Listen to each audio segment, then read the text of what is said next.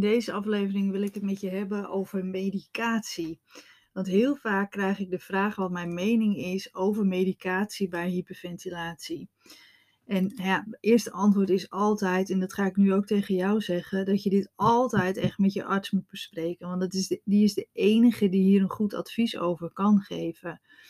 In de besloten Facebookgroep wordt bij mij ook heel vaak aan elkaar een advies gevraagd. Ja, wat neem jij en hoeveel neem jij en, en uh, waarom neem jij en, wat uh, merk je ervan? Heb je bijwerkingen? Dat zijn vragen die echt heel vaak voorbij komen. Nou, medicatie en de resultaten en bijwerkingen die zijn echt super persoonlijk. En en alleen je arts kan hier een goed advies over geven. Daarom willen we in de Facebookgroep en de besloten groep willen we ook die vragen over medicatie niet meer. Dus algemene vraag. Ehm, eh, wie neemt er antidepressiva? Dat is een algemene vraag, maar zo gauw er echt een, een, naam bij komt en hoeveel, hoeveel, microgram neem jij daarvan? En neem jij dit of dat? Dat willen we bewust niet, omdat dat zo persoonlijk is en ik wil echt dat je dat met je arts bespreekt. Maar ik heb er natuurlijk wel een mening over. Of het goed is of niet om medicatie te gaan gebruiken. En, en ja, die wil ik graag met je delen. Als jij namelijk start met het gebruik van medicatie voor hyperventilatieklachten, is dat vaak een angstremmer of een antidepressiva. Nou, als dit ervoor gaat zorgen dat jij je beter voelt, rustiger wordt en je weer sterker voelt, dan is het natuurlijk een ontzettend positief iets. Want hiermee geef je jezelf een steuntje in de rug en komt er veel meer ruimte vrij om aan jezelf te werken.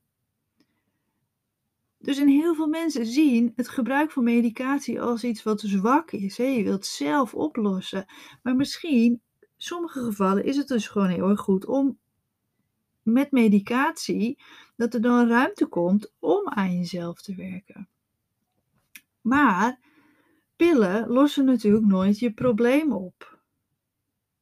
Het is een ondersteuning. En dat is natuurlijk ook meteen al de reden waarom het naar mijn idee niet altijd de oplossing is om aan de medicatie te gaan. Want je zult namelijk de oorzaak van je klachten ook moeten aanpakken. Hè, bijvoorbeeld, hè, ben jij ongelukkig op je, in je werk en ga je elke dag met tegenzin heen? Of heb je een hele zeer gespannen thuissituatie die jou heel veel stress geeft?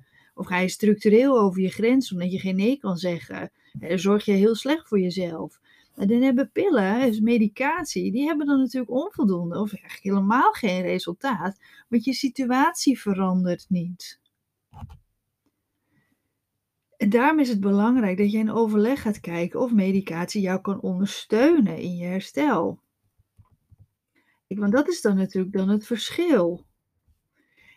Dat je, dat je medicatie gaat gebruiken Hè, doordat je wat rustiger wordt, dat je hebt bijvoorbeeld een angstremmer, dat je wat minder angstig bent, waardoor je wel naar buiten kan, waardoor je naar therapie durft te gaan, waardoor je eh, dat soort dingen weer aan kan. Antidepressiva bijvoorbeeld, dat je merkt dat je toch wel heel neerslachtig wordt en dat je daarom gewoon de motivatie niet op kan brengen om oefeningen te doen of om gezond te gaan eten bijvoorbeeld. Ja, ik, dan is medicatie natuurlijk gewoon supergoed als, als ondersteuner. En er zijn ook mensen die hebben dat gewoon een hele leven lang nodig. En dat is ook prima. Dus veroordeel jezelf er niet op dat je dat nodig hebt. Er zijn ook mensen die hebben uh, bloedsuikerprobleem en die hebben dan medicatie nodig voor hun bloedsuiker. Of mensen met, uh, met, met spierklachten, met reuma, die hebben ook medicatie nodig. En zo zijn er dus ook mensen met mentale problemen die gewoon medicatie nodig hebben. Dus het is gewoon prima. Maar het is gewoon heel erg belangrijk dat je eerlijk naar jouw situatie kan, gaat en durft te kijken. En wat zorgt voor jouw hyperventilatieklachten? Wat houdt het in stand? En wat kan jij daarin gaan veranderen? Want je klachten zijn namelijk niet uit het niets ontstaan, ook al voelt het vaak wel zo, hè? Maar jij hebt te veel spanning opgebouwd en die komt er nu uit met deze klachten. En dan stel je jezelf bijvoorbeeld dan de volgende vraag: zorg ik goed voor mezelf?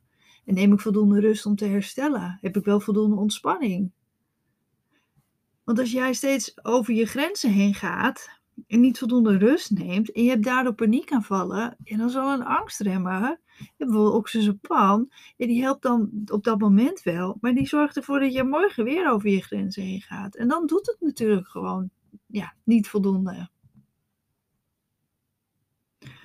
Dus dat is de afweging die je altijd voor jezelf kunt maken. En dat is mijn mening over wel of geen uh, medicatiegebruik bij hyperventilatie. Altijd met je arts bespreken, want die kent jou en die kan je een goed advies geven. En, en heb je het nodig, dan heb je het nodig. En heb je het niet nodig, ja, ga dan echt keihard gewoon aan jezelf werken. Om, om het, of wil je het niet, hè, ga dan heel hard aan jezelf werken, waardoor je het de zonde misschien wel kunt gaan redden.